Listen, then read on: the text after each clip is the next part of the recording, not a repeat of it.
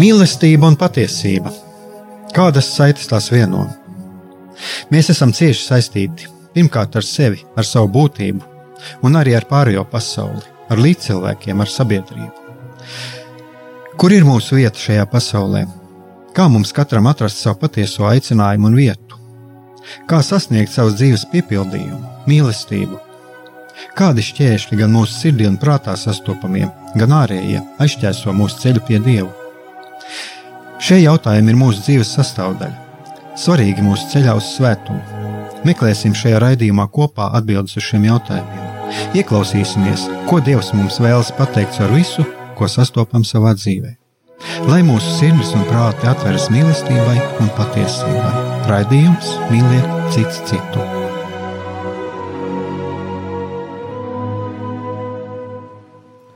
Lai to slavēts Jēzus Kristus, esiet sveicināti, darbie radioklausītāji. Šis ir raidījums Mīliet citu citu. Studijā atkal esmu es Aigars Brīkmanis un Jānis Jakobsons, un mēs turpināsim.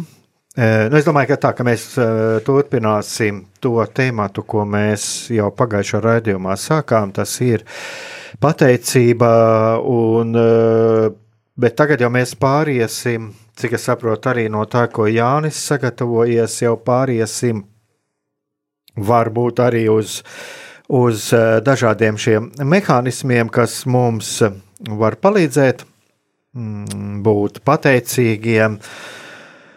Un eh, mazliet arī, arī parunāsim par to, kā darbojas mūsu smadzenes. Jā.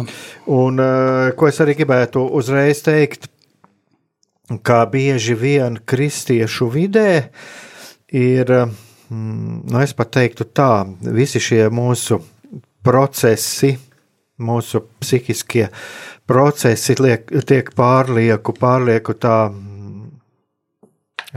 garīgoti, lai gan uh, mums ir jāatzīst to, ka jā, tie procesi un tas, kas notiek mūsu dzīvē, ir saistīts ar eh, mūsu garīgo dzīvi, bet bieži vien mēs kļūdāmies ar to, ka mēs visur saskatām kādus garus un, un bieži vien ignorējām tos eh, lietas, kas saistītas ar to, kas ir ar mūsu psihiskajiem procesiem, arī, arī tīri fizioloģiskajām lietām, un es domāju, ja mēs runājam par smadzeņu darbību, tad tas ir arī tas. Un eh, tā kā Es ceru, ka arī mēs, mums izdosies šodien šai lietai pieskarties un varbūt arī tad mazliet rast skaidrību, e, kas tad īsti dažos gadījumos notiek mūsu dzīvē un kas ir tas, ko mēs piedzīvojam. Jā, sveicināt, darbie radioklausītāji.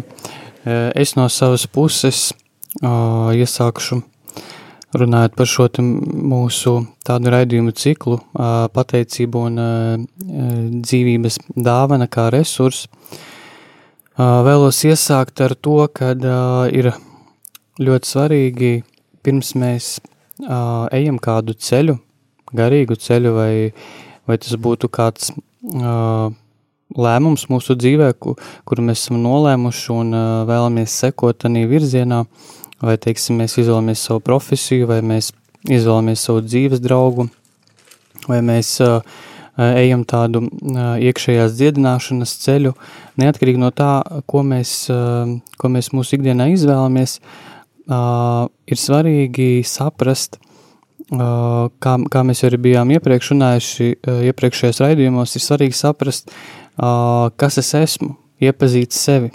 Iepazīt sevi, iepazīt savas dāvanas, savas vājības, un, un šis ir tāds atskaites punkts, lai mēs varētu funkcionēt.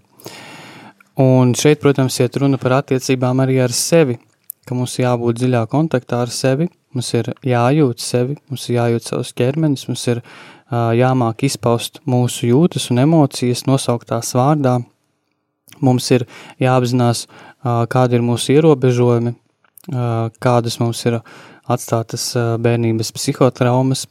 Un kad mēs sevi pazīstam, tad mēs arī varam ar tādu objektīvāku un realistiskāku pieeju darboties šajā pasaulē. Jo mēs mēģinām sev uzlikt kaut kādas uh, mērķus vai expectācijas, kuras nemaz mums nav jāveic un kas nav mūsu mērķis. Un uh, mēs varam pat varbūt domāt, ka kaut kāda konkrēta lieta ir mūsu misija vai aicinājums, bet īstenībā šī var slēpties uh, kaut kas, kas mūsos nav dziedināts, kaut kādas bērnības uh, traumas, uh, aiz šī var slēpties mūsu pašvērtējums, kuru mēs vēlamies, teiksim, pacelt vai piebarot jau uz kaut kā rēķina, uz kaut kādu darbību rēķinu. Un nereti mēs arī pelnam Dieva mīlestību, darot kaut kādus darbus, un tā mēs domājam, ka mēs varam kļūt Dievam patīkamāki, ja mēs darīsim to vai šito. Ja. Un tāpēc, man liekas, pirms mēs kaut ko darām, vai sevišķi tad, kad mums ir kaut kādas dzīvē problēmas, uh, uh, ir svarīgi saprast arī, kā mēs funkcionējam. Jo, teiksim, pirms ķirurgs taisa operāciju, sākumā pacientam tiek noteikta diagnoze, viņš tiek viss pārbaudīts, ja, un jau izrietot no viņa anamnēzes, uh, ķirurgs zina, uh, kurā virzienā ir jātaisa operāciju, ko ir jāoperē. Un uh, pēc operācijas mēs zinām, ka ir laiks, kad uh, viss atzīst, un tikai tad pēc kāda laiciņa jau cilvēks ir gatavs atkal funkcionēt. Un kāpēc es šo saku? Tāpēc, kad uh, mūsdienās uh, tie resursi, kas ir pieejami mums kā kristiešiem un vispār cilvēcei, tie zinātniskie atklājumi, kas ir par cilvēku, viņi ir tik svarīgi, ka ja mēs viņus nopietni uh, ņemsim mūsu dzīvēs, ja mēs viņus neatmetīsim, ja mēs iesim uz dialogu ar šiem atklājumiem, tad arī mums būs progress mūsu garīgajā dzīvē. Kāpēc? Tāpēc, ka uh, runājot, teiksim, par mūsu smadzenēm, kuras pēta neirozinātne, šobrīd ir ļoti daudz uh, dažādu unikālu atklājumu, kas paver to, kā cilvēka smadzenes funkcionē.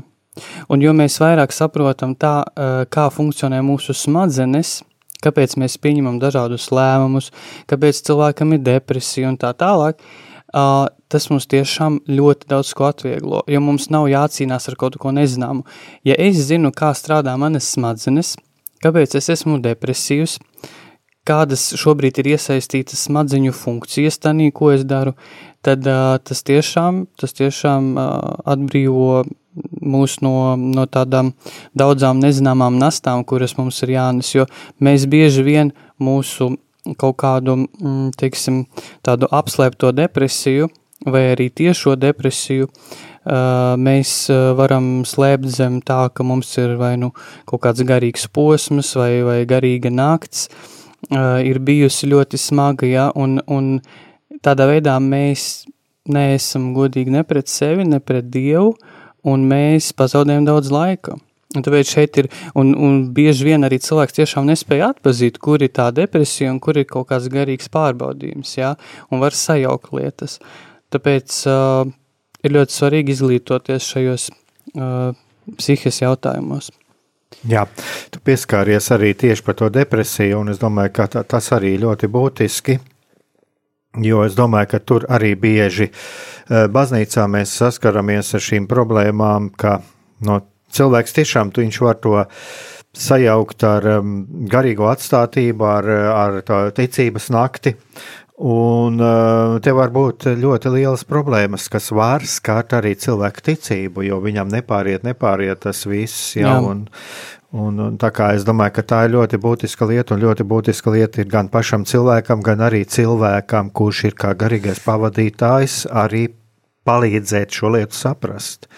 Jā. Un uh, vēl viena tāda ļoti, ļoti būtiska lieta, kas jau, nu, pateicība Dievam, ir daudz runāts, uh, un es esmu pats jau runājis arī ar psihologiem, un gan, uh, gan šeit, gan arī, zinu, man bija pagājušo gadu viena tikšanās arī uh, Vatikāna radio, es runāju ar vienu psiholoģiju ka cilvēks eh, tādā ziņā arī atbrīvojās vēl no vienas eh, ļoti smagas nastas, tas ir šī nepamatotā vainas apziņa. Jā. Kas var būt saskaroties ar depresiju. Un ir vēl viena lieta, kas jau arī ļoti daudz ir atgādināts cilvēkiem, kas, kas ir tuvinieki, kā arī ļoti svarīgi, lai cilvēkam būtu blakus cilvēks, kas atbalsta, nevis prasa viņam darīt vairāk, saņemties, ja, kas depresijas gadījumos var būt pat, pat ļoti graujoši. Jā, un uh, es pat teiktu tā, ka cilvēki, uh, teiksim, kristietis, kuram ir uh, depresija vai viņam ir uh, teiksim, ļoti tāda izteikta neiroze, neirotisks traucējums, jā, kurš izpaužās ar trauksmi, ar dažādu veidu obsesīvām darbībām, ar um, paaugstinātu tādu stresu, bezspēku, apātiju, skumjām, nogurumu, uh, sevis nicināšanu, šaustīšanu, ar tādu sevis iekšējo kritizēšanu, demotivāciju. Ja cilvēkam ir šāds stāvoklis, tad šeit ir vispār ļoti bīstami runāt par jebkādu teiksim, tādu domu, kur cilvēks, ja cilvēks šādā stāvoklī, viņam nav droši domāt par to, ko Dievs no viņa vēlas. Tādā ziņā, kad primāri cilvēkam ir jāatgūst savu veselību, jo cilvēks šādā stāvoklī mēdz, mēdz riskēt ar to, ka viņam jau tā ir slikti, viņš jau tā knapi funkcionē, teiksim, tādu sociālu dzīvi, ja viņš nav spējīgs viņu normāli funkcionēt. Un šajā stāvoklī, ja cilvēks vēl sāks domāt par to, ka varbūt tas ir Dieva pārbaudījums, varbūt tas ir kāds Dieva sots par grēkiem, varbūt tas ir uh, kaut kas, ko man ir jāaiziet cauri, lai es pieaugtu kaut kādā atziņā, ja? Uh, un šeit bīstamība, ka cilvēks ar neirozi, viņš domā šādā virzienā. Kāpēc? Tāpēc, ka uh, viss šis, ko es nosaucu līdz šim, šīs neirotiskās izpausmes, kā trauksme, bezspēks, iekšējā sevis kritizēšana, viss šis nāk no bērnības, kur cilvēks ir uzaudzis ļoti nedrošā vidē, kur, kur cilvēkam nebija vispār veselīgas piesaistes formas, un visa viņa bērnības pieredze viņa tiek pārnesta, ja projicēta uz attiecībām ar Dievu. Tāpēc, ka Dievs, tad, kad cilvēks sāk attiecības ar Dievu un iet garīgo ceļu, skaidrs, ka Dievs viņš kļūst mums par tēvu. Un neapzināti mēs uz Dievu mēdzam pārnest mūsu bērnības pieredzes. Tāpēc mēs Dievā uh, iraugam mm, neapzināti uh, kaut ko no mūsu bērnības, teiksim tā, autoritātēm, no mūsu vecākiem vai pedagogiem. Un šeit ir tā bīstamība, ka mēs uh, tad uzreiz atceramies, ka ja bērnībā, teiksim, uh, mans tēvs uh, bija tāds, uz kuru es nevarēju paļauties, kurš varbūt mani pat uh, fiziski uh, sita, tad, kad es uh, vispār nebiju vainīgs, jā, kurš man emocionāli grāva, tad uh, arī esot pieaugušais, var uzskatīt, ka Dievs no manis grib kaut ko, uh, lai es kļūtu, teiksim tā, labāks bērns viņa acīs, jā. Un šeit ir ļoti liela bīstamība, ka cilvēks sevi vispār nogrūž tādā punktā, kur viņam vajag ļoti nopietnu medikamentozu palīdzību.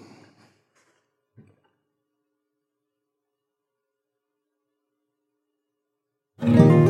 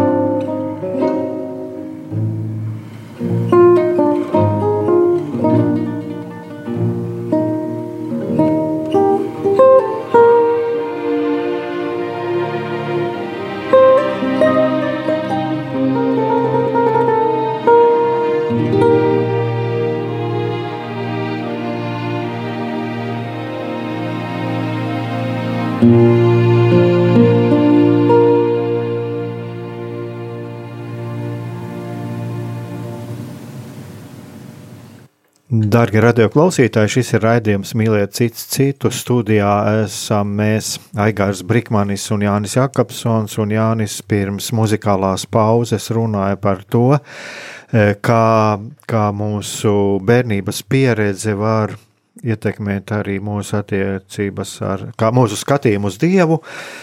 Un e, par to, cik ir bīstami kādreiz e, dažās situācijās vispār ir domāt par to, ko Dievs no manis vēlās. Jā. Jo, jo tad varbūt, eh, nu, jā, savā ziņā es domāju, tā te ir arī ļoti svarīgi apzināties. Es domāju, ka, ka mēs runājam par to sevis apzināšanos. Eh, pirms es domāju par to, ko Dievs no manis vēlās, ir ļoti svarīgi atpazīt, no kurienes man nāk šīs izjūtas. Jā. Un tad arī mēs vieglāk varam saprast, vai tas tiešām nāk no Dieva, vai tas tomēr ir kaut kādas uh, citas sekas.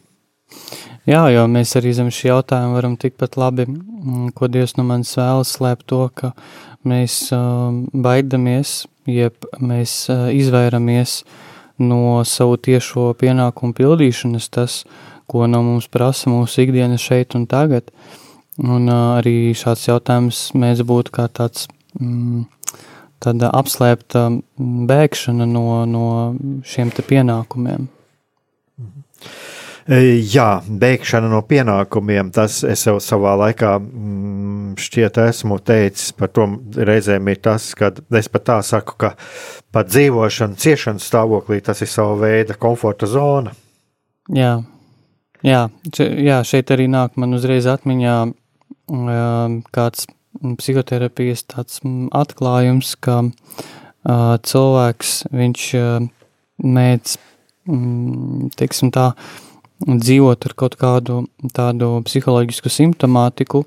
Uh, nu, pieņemsim, ja cilvēkam tur bieži sāp galva uz stresa fona, vai viņam ir, uh, teiksim, panikas lēkmes, vai viņam ir uh, jebkāda cita veida trauksme, kur izpaužās ar kaut kādu ķermeņa simptomu, tur vēders sāpes un tā tālāk. Uh, ka šeit mēs arī varam runāt par tādu momentu kā simptoma izdevīgums. Tas ir tas, ko, ko daudzi no mums arī neapzinās, kad uh, ir šis simptoma izdevīgums, kur it kā cilvēks cieš, bet no otras puses viņš kaut kādu labumu sev gūst. Ja? Un kamēr cilvēks nesapratīs, kas tad ir tas, kādu viņš labumu gūst no sava simptoma, uh, būs uh, grūtāk, laikam, iet tanī veselības virzienā.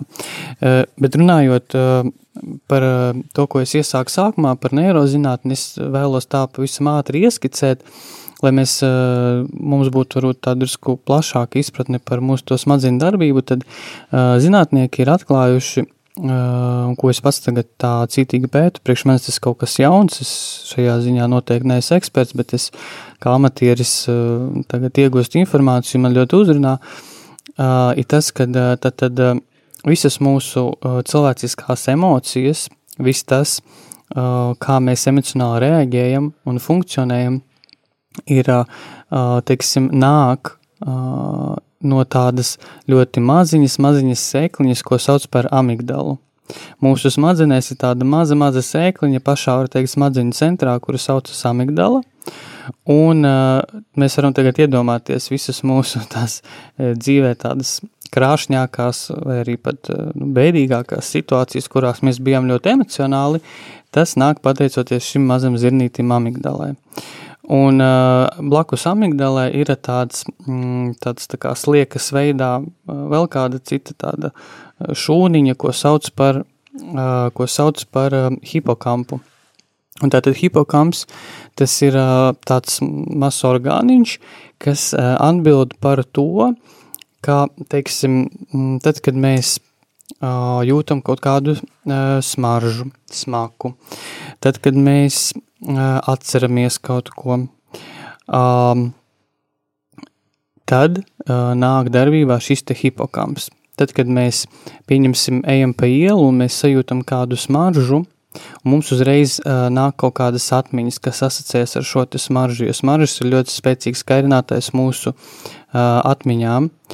un tad tādā brīdī darbojās šis hipokams. Ja? Un uh, varētu teikt savā ziņā, ka amigdala, principā es tā tagad saprotu, ka viņa tiek pielīdzināta kaut kādā mērā mūsu kā, zemapziņai, ja? jo viņa veic līdzīgu funkciju. Uh, kāpēc? Tāpēc, ka uh, tātad mūsu smadziņu priekšā ir tas, ko sauc par uh, prefrontālo korteksu. Un prefrontālais korteks – Tas ir tāda smadzeņu daļa, kura atbild par mūsu apziņu, respektīvi visi mūsu lēmumi, tas, ka mēs esam spējīgi būt iejūtīgi, empātiski, tas, ka mēs esam spējīgi būt, teiksim, tādi fleksibli, ka mēs spējam pielāgoties, mūsu emociju regulēšana, morāle, intuīcija, komunikācija – kaut kādas ehm, tādas baiļu eh, reakcijas, tas viss nāk no šī prefrontālā korteksa. Ja? Un kāpēc es to saku? Tāpēc, ka mm, tas nozīmē, ka uh, mēs caur mūsu šo apzi, apzināto smadzeņu daļu varam ietekmēt mūsu amigdalu. Uh, tas ir tā, ka pieņemsim, tad, kad mums ir kaut kāds stress, tad brīdī darbojas aktīvi mūsu amigdala, ja, šis te mazais zirnītis. Bet tā kā amigdalu tiešā veidā mēs nevaram regulēt, mēs nevaram izdomāt kaut kādu, teiksim, psiholoģisku paņēmienu, lai nomierinātu šo te amigdalu, jo viņa vienkārši, eh, nu, viņa tā kā mūsu arī eh, neirosimpātiskā sistēma, viņa netiek eh, pakļauta nekādai regulēšanai. Jā, mēs nevaram regulēt ne savu uh, neirosimpātisko sistēmu, ne amigdalu, bet mēs varam regulēt mūsu šo te prefrontālo korteksu. Es ceru, ka es izsakos, varbūt ne pārāk sarežģīti. Un tā doma ir tāda, ka ar mūsu apzinātu rīcību mēs varam tātad uh, nomierināt mūsu šo te uh, amigdalu, jeb mūsu emocijas. Un uh, tu ir tas pabeigšu, ja, pavisam īsi, uh, tā doma ir tāda, ka Tad, kad mēs dzīvē sastopamies ar kaut kādu stresu, vienalga, kas tas būtu, teiksim, mums ir uh, grūtības ar mūsu, teiksim, darba vadītāju vai grūtības attiecībās, uh, vienalga, kādas tās būtu grūtības, vienmēr ir kaut kāds kairinātājs. Ja? Teiksim, tas, kas mūsos izraisa stresu, tas ir kaut kāds kairinātājs no, ār, no ārpuses. Šajā gadījumā paņemsim, paņemsim problēmas darbā ar darba vadītāju. Tad darba vadītājs ir kairinātājs bet viņš nav galvenais iemesls. Iemesls ir tas, kas slēpjas manā šī te uh, amigdalā, kā bērnības atmiņas. Jo tas, ar ko es saskaros bērnībā, tiek ļoti spēcīgi iekodēts tādā manā amigdalā, tādā emociju, tādā emociju tādā zirnītī, ja, kas atbild par emocijām.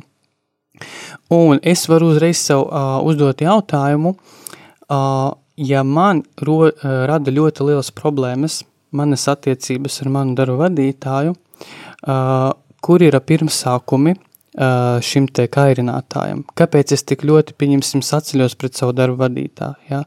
Un tā mēs varam ar mūsu apziņu nonākt līdz kaut kādai konkrētai saiknei, kur tad pirmo reizi man bija sacelšanās pret autoritāti. Ja, un tad mēs nonākt pie tā, ka, aha, izrādās man ir problēmas attiecībās ar tēvu. Ja, un no tā iziet, ka problēmas attiecībās ar autoritātēm kopumā. Nu, tā kā tā, man liekas, ka ļoti interesanti un šāda izpratne par mūsu smadzeņu darbību var var atvieglot dzīvi. Te man mazliet varbūt gribētos tā precizēt par šo sacelšanos, mm, bet vai te nav tā, ka te tomēr jānošķir viena lieta, ka šis darba vadītājs kaut kādā ziņā izturās netaisnīgi, un kad, jā, mums pat savā ziņā, es pat teiktu tā, tās ir mūsu tiesības un arī pienākums pateikt, lai tā nedara. Un cits ir, kur eh, vismaz man tā šķiet, tas, ko tu runā, tas ir kaut kāda sacelšanās, kurai varbūt pat mēs tā racionāli īsti prā, eh, neredzam jā, iemeslu, jā. bet vienkārši mēs saceļamies, mēs saceļamies cilvēku. Jā, mēs saceļamies, jo neapzināti mūsos ir šī nostādne, ja, ka man ir jāsaceļās pret autoritāti. Kāpēc? Tāpēc, ka es autoritātei uzticēties nevaru. Tātad šeit ir runa par grūtībām uzticēties autoritātei. Priekšnieks Jā. var būt arī labs, bet es vienkārši viņam uzticos. viņš ir vienkārši kārtējs kairinātājs. Tā. Mhm. Labi, es domāju, tagad atkal mēs varam kādu muzikālu pauzīti. thank you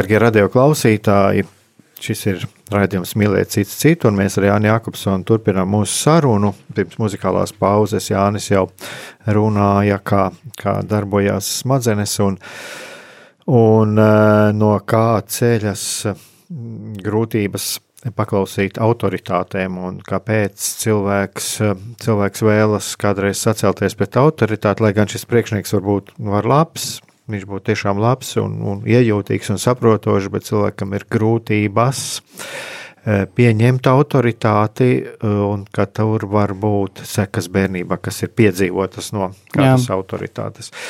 E, un, jā, un šeit ir atkal viens tāds moments, ka to ir, ir ļoti svarīgi apzināties. Ja mēs atgriežamies atpakaļ uz attiecībām ar Dievu, es domāju, ka šeit arī tāpēc ir ļoti svarīgs šis mehānisms saprast arī attiecībās ar Dievu. Jā, jā, jo kāpēc es visu šo tādu lielo, lielo gabaliņu biju ieskicējis gan par mūsu smadzeņu darbību, gan par mūsu kaut kādām pārnesēm, projekcijām uz Dievu, ko mēs pārnesam no mūsu bērnības pieredzes, jo uh, mēs, mums ir grūti uh, būt dzīvē pateicīgiem un novērtēt dzīvību kā dāvanu un saskatīt mūsu talantus, kamēr mēs dzīvojam uh, šajā te miglā, jā, teiksim, šo te visu bērnības tādu ievainojumu posmu, bērnības notikums var nosaukt par tādu dzīvi miglā. Jā, mēs it kā redzam kaut ko, bet ne līdz galam.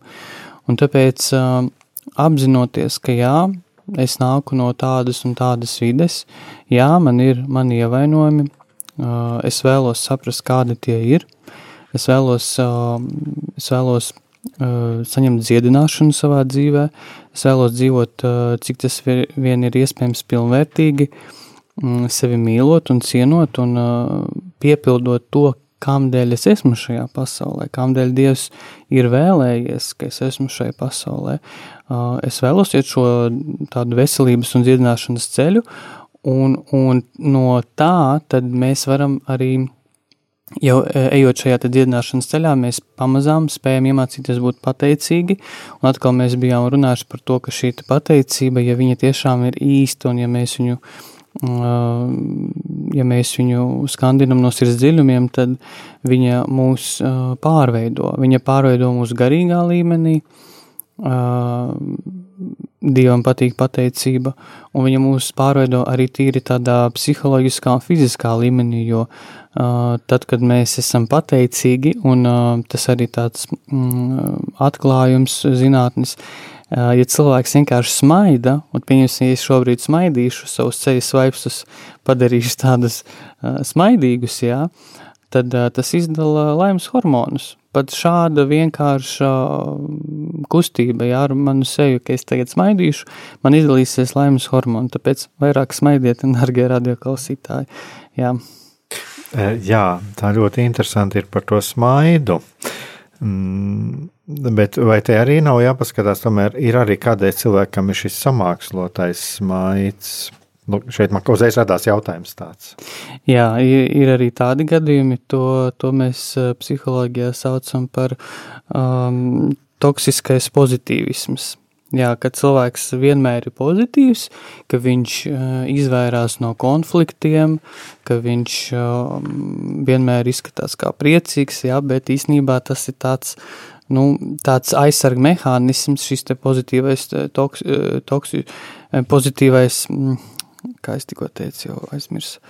Toksiskais pozitīvs. Jā, toksiskais pozitīvs. Un tas ir tikai tāds aizsardzības mehānisms, tāpēc, kad uh, atkal, nu, bieži vien, teiksim, ja runājot konkrēti par toksisko pozitīvismu, kāpēc viņš cilvēkam ir, jo uh, tātad bērnībā ir bijusi uh, arī kaut kā traumatiska pieredze, kur uh, bērns jutās, teiksim, ļoti apdraudēts, bet tā kā viņš nevarēja izpaust savas patiesās jūtas, jo viņš zināja, ka, ja viņš paudīs savas jūtas, viņš tiks vēl vairāk sodīts.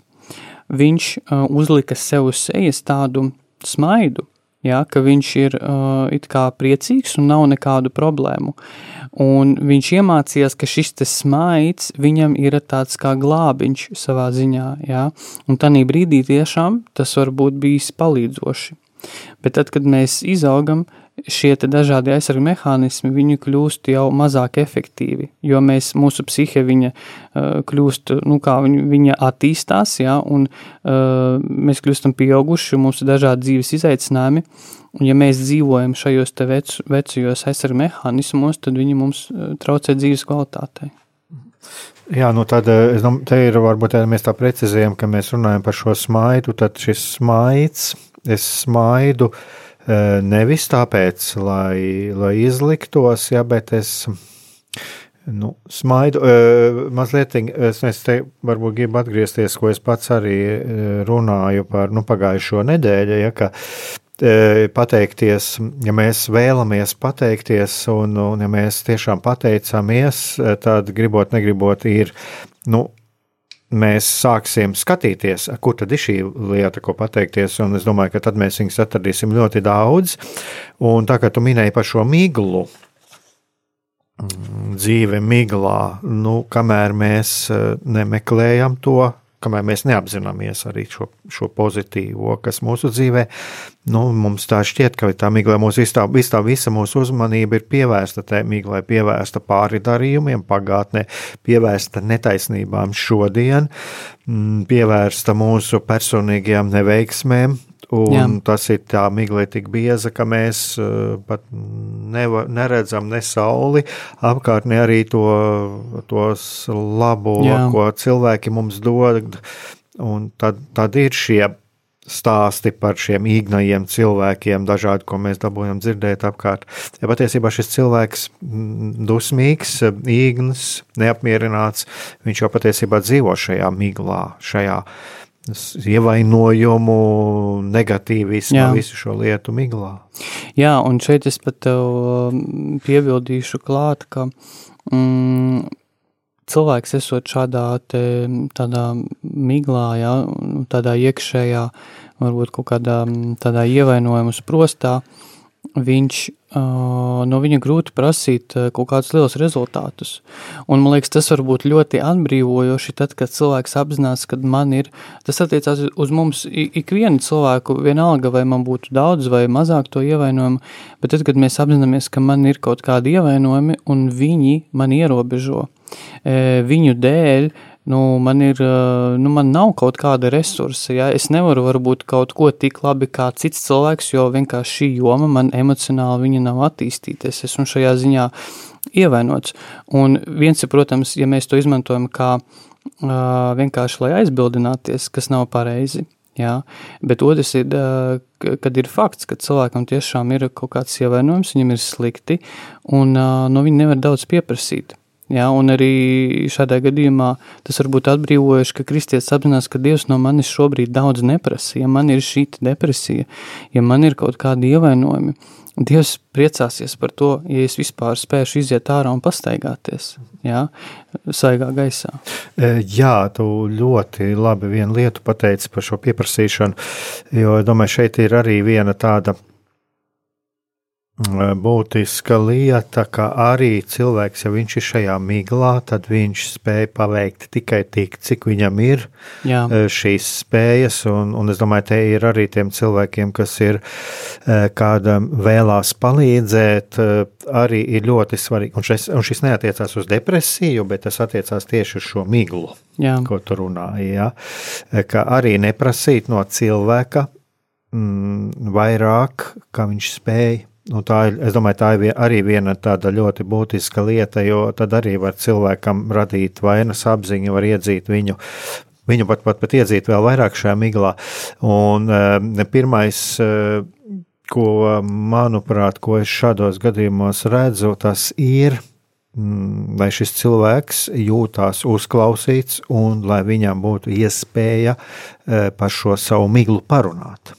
Jā, parunāt noteikti, parunāt un uh, mācīties, laikam, uh, izveidot šo jauno pieredzi savā dzīvē, ka es uh, varu nedarīt kaut kādas grandiozas pārdabiskas lietas, es varu neplēst sevi, tur nezinu, teiksim, divos darbos, jā, es varu uh, neuzvesties kā, kā visu glābējs un kuram visu ir jāmāk un jāzina, bet es varu būt tāds, kāds es šobrīd esmu. Ja, es varu būt kaut kādās jomās nekompetents, es varu būt, es varu justies vājš, es varu, prast, uh, es varu prasīt palīdzību, un es varu atzīt to, ka jā, man šobrīd uh, nav spēka.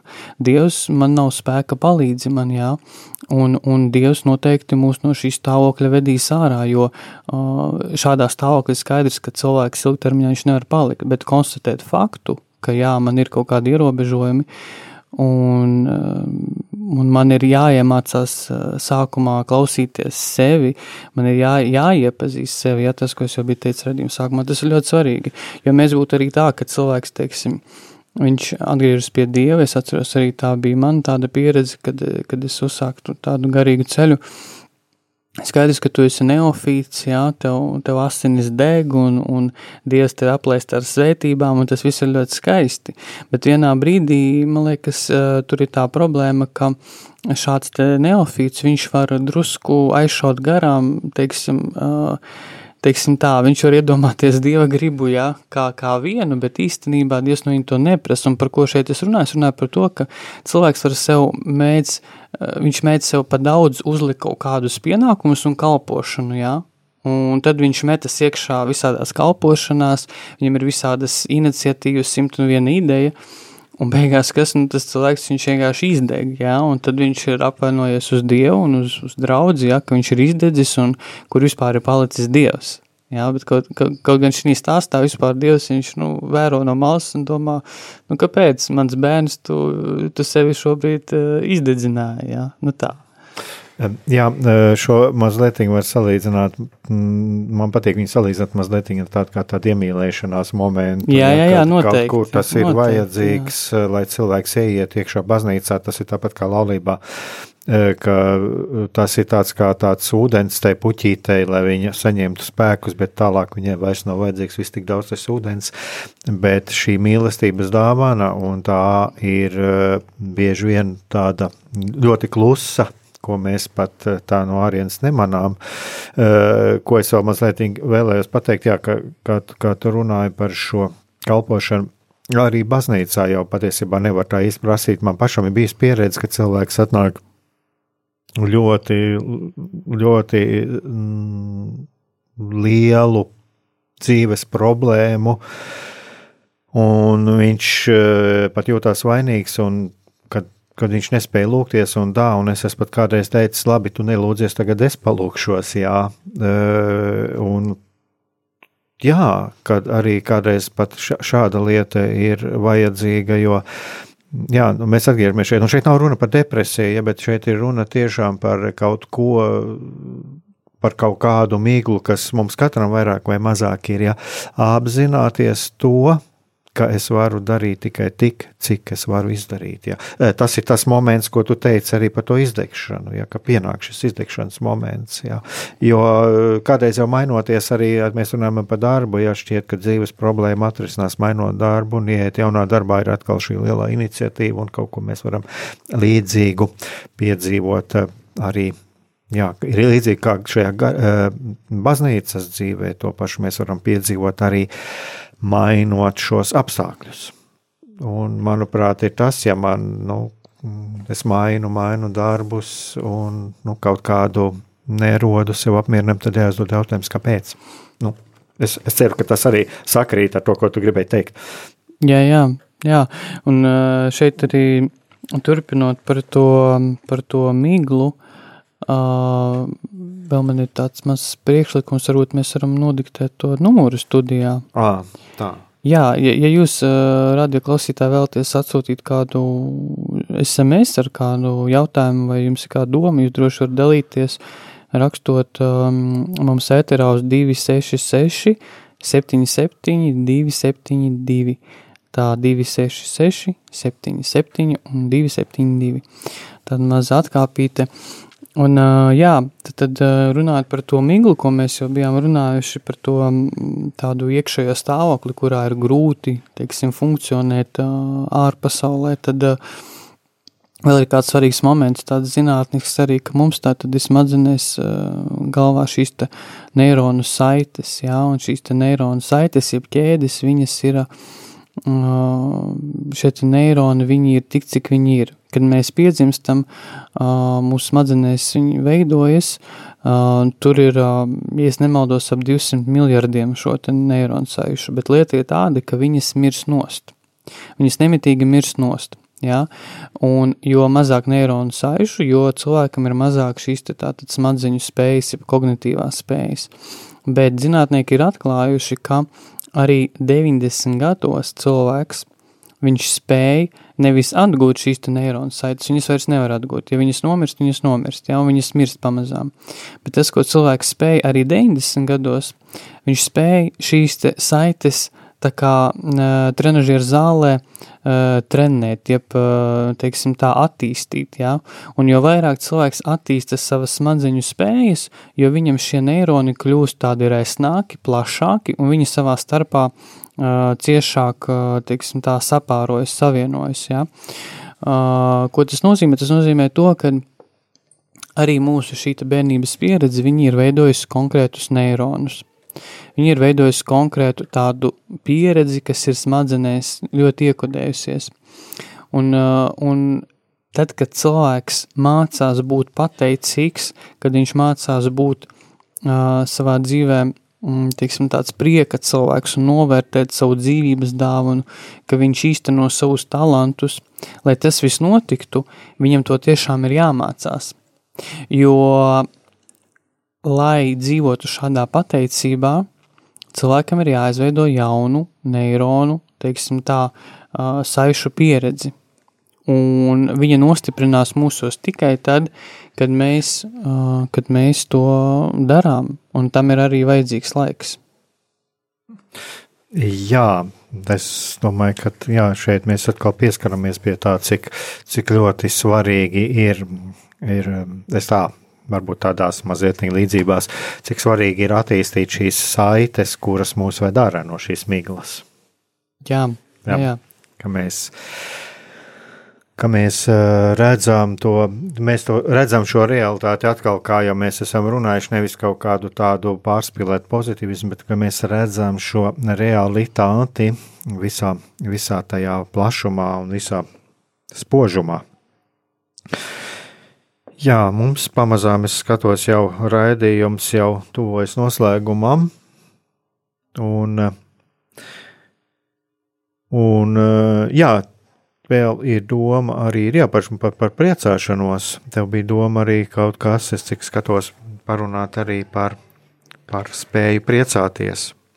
Par spēju priecāties, nu jā, šeit, šeit, ir, man, šeit ir man tā doma, ka uh, tu ir jāmācās darīt, cilvēkam, kurš ir dzīvojis ilgstošā trauksmē, tādā hroniskā, viņam um, ir jāmācās priecāties un tiešām jāapgūst kā, tā, kā tādu jaunu, teiksim, savu personības īpašību, ja, kad cilvēks iemācās priecāties. Tam ir vajadzīgs laiks, un uh, man liekas, ka um, šeit man nāk atmiņā uzreiz uh, uh, slavenā uh, psihoterapeita Viktora Frankla uh, uh, eksistenciālā psihologa vārdi, kurus viņš ir teicis. Uh, viņš teicis tā, mm, ka mēs uh, varam padomāt to, uh, atrodoties tajā dzīves stāvoklī, kurā mēs šobrīd esam, uh, ko no manis prasa dzīve, teiksim, tur, kur es šobrīd esmu, jā, vērojot tos apstākļus, kuros es dzīvoju, ko no manis sagaida dzīve. Ja? Un šeit, man liekas, uzdodot sev šāda tipa jautājumu, mēs varam sākt ieraudzīt, ka, ah, man ir jāizdara šis, man ir jāizdara šis, mājās man ir šāda loma, darbā man ir šāda, un, teiksim, skolā man ir šāda loma. Un tas var būt kā labs tāds atspēres punkts, ka saprotot, ko no manis sagaida mana dzīve, mēs arī varam saprast, ko no mums Dievs sagaida. Ja? Uh, un tas var būt kā tāds resurs, jeb tāds palīgi instruments uh, iešanai ārā no mūsu trauknes un depresijas, jo uh, šeit mēs uzreiz arī pieskaramies tam jautājumam par jēgu.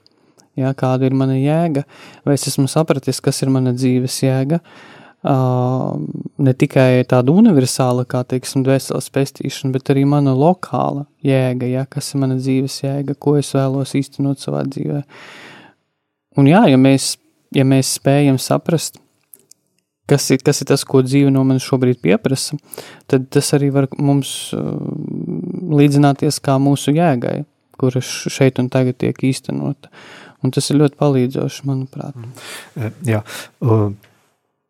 šeit uh, es arī vēl gribu mazliet papildināt, ka cilvēki var atrasties dažādās situācijās. Un vispār es ceru, ka mēs eh, tagad jau mums jau būs drīz jābeidz, ka mēs varētu varbūt arī tieši, tieši par šo jautājumu es pat pierakstīju uh, dzīve, ko no manis. Uh, ko no manis sagaida dzīve šajos apstākļos, kādos atrodos, jo um, mēs bieži varam saskarties, un es domāju, varbūt arī mēs katrs tā esam kādreiz piedzīvojuši, ka nu,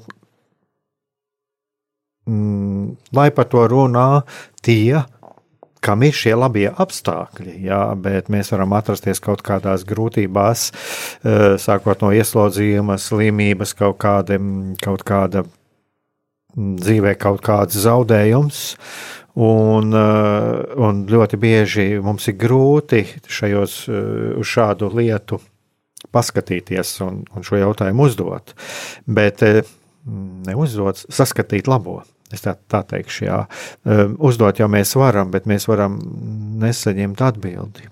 Un, manuprāt, arī ir ļoti svarīgi nenobīties no tā, jo mūs arī klausās dažādi cilvēki, ehm, saprast, ka Dievs ehm, no mums sagaida varam tagad saukt, kā, grib, saukt, kā gribam. Dzīve, Dievs sagaida mums, no mums kaut ko, sagaida neatkarīgi no tā, kādos apstākļos mēs atrodamies. Un, eh, tāpēc es eh, gribu arī tam pievērsties, jo kāds, kāds var no malas un tīri pamatot teikt, nu jā, jūs tur sēdiet radio un jūs runājat, jums ir viegli teikt. Mm, nu, mūs katra, no mūsu, no mūsu katra Dievs kaut ko sagaida. Jā. Mm. Un te, bet te atkal mēs atgriežamies atpakaļ pie tā, ko jau tu pieskāries. Jā, te ir arī ļoti svarīgi tomēr apzināties, jā, mūsu izjūtu cēloņus un tā tālāk, ja, lai mēs nu, nebūtu arī šis izkropļotais dievtēls. Tā kā patiesībā to tādu vienā raidījumā to ir ļoti grūti pateikt, un, un kādreiz, kad jā, man arī cilvēks jautāja, ko Dievs man šajā situācijā saka, šajā gadījumā, kad ir visgrūtāk, arī man nekas cits neatliek kā pateikt, nu, nu palūksimies, ja vai es palūkšos par tevi, ja, jā. kā es saku, ir gadījumi, kad cilvēks pasaka, es vairs nevaru palūkties, es saku, nu tad es palūkšos, ja bet uh, ir kaut kādas objektīvas, kur mēs apzināmies, kāpēc man ir šīs grūtības un, un mēs viņu atpazīstam, nu, un arī atšķirt no tā, ko mēs neatpazīstam. Bet, eh, ko es gribu noslēgumā pateikt, ja, ka mm, jā, nu, Dievs ir klāts mums katram mūsu šajā dzīves situācijā. Un es ceru, ka nākamajā raidījumā varbūt arī mēs tieši parunāsim par to, eh, ko tad Dievs sagaida mums šajā situācijā, manā dzīvē, šajā situācijā, kurā mēs katrs atrodamies. Jā, un es pavisam īsti tikai piebildīšu, ka mēs varam, mums ir dots tāds, es uzskatu, unikāls un brīnišķīgs instruments kā mūsu jūtas, un tad, kad mēs jūtamies skumīgi vai nomākti, mēs, vai arī priecīgi, mēs vienmēr varam uzdot jautājumu, ko es šobrīd jūtu, jā, un, un otrs ir, kāpēc es tā jūtos, jā, un šie, šie divi jautājumi, ko es jūtu un kāpēc, tas var būt ļoti labs kompass. Jā, kompass mūsu dzīvē, tāds virzītājs, pie kura mēs arī varam nonākt pie Dieva. Ar to tad arī beigsim šo mūsu raidījumu. Tiešām, lai, lai mums katram izdodas atrast šo savu kompasu, kā tu teici, arī ieklausīties, saprast, kāpēc es šobrīd tā jūtos. Uh, izdodas atrast šo kompa, kompasu un pabūt, pabūt ar Dievu. Un es domāju, ka mēs nākamajā raidījumā turpināsim par šo tēmu. Tieši, tieši par šo tēmu man, man viņa ļoti interesē. Tieši, jā. Un, eh, jā, paldies, paldies klausītājiem, kas bija ar mums kopā pie aparātiem vai internetā. Un paldies Jānim! Un tad uz tikšanos nākamajā reizē, lai mums visiem ir šajā nedēļā, mūsu dzīvē, katrā mūsu brīdī, lai Dievs mūs pavada, sargā un sniedz savu mierinājumu. Amen!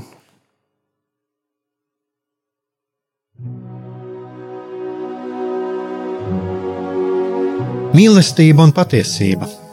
Kādas saites tās vieno?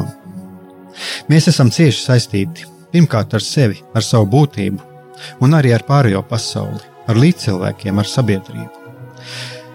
Kur ir mūsu vieta šajā pasaulē? Kā mums katram atrast savu patieso aicinājumu un vietu? Kā sasniegt savas dzīves piepildījumu, mīlestību? Kādi šķēršļi gan mūsu sirdī un prātā sastopamie, gan ārējie aizķēso mūsu ceļu pie Dieva? Šie jautājumi ir mūsu dzīves sastāvdaļa, svarīgi mūsu ceļā uz svētumu. Meklēsim šajā raidījumā kopā atbildes uz šiem jautājumiem. Ieklausīsimies, ko Dievs mums vēlas pateikt ar visu, ko sastopam savā dzīvē. Lai mūsu sirds un prāti atveras mīlestībai un patiesībai, raidījums mīliet citu citu.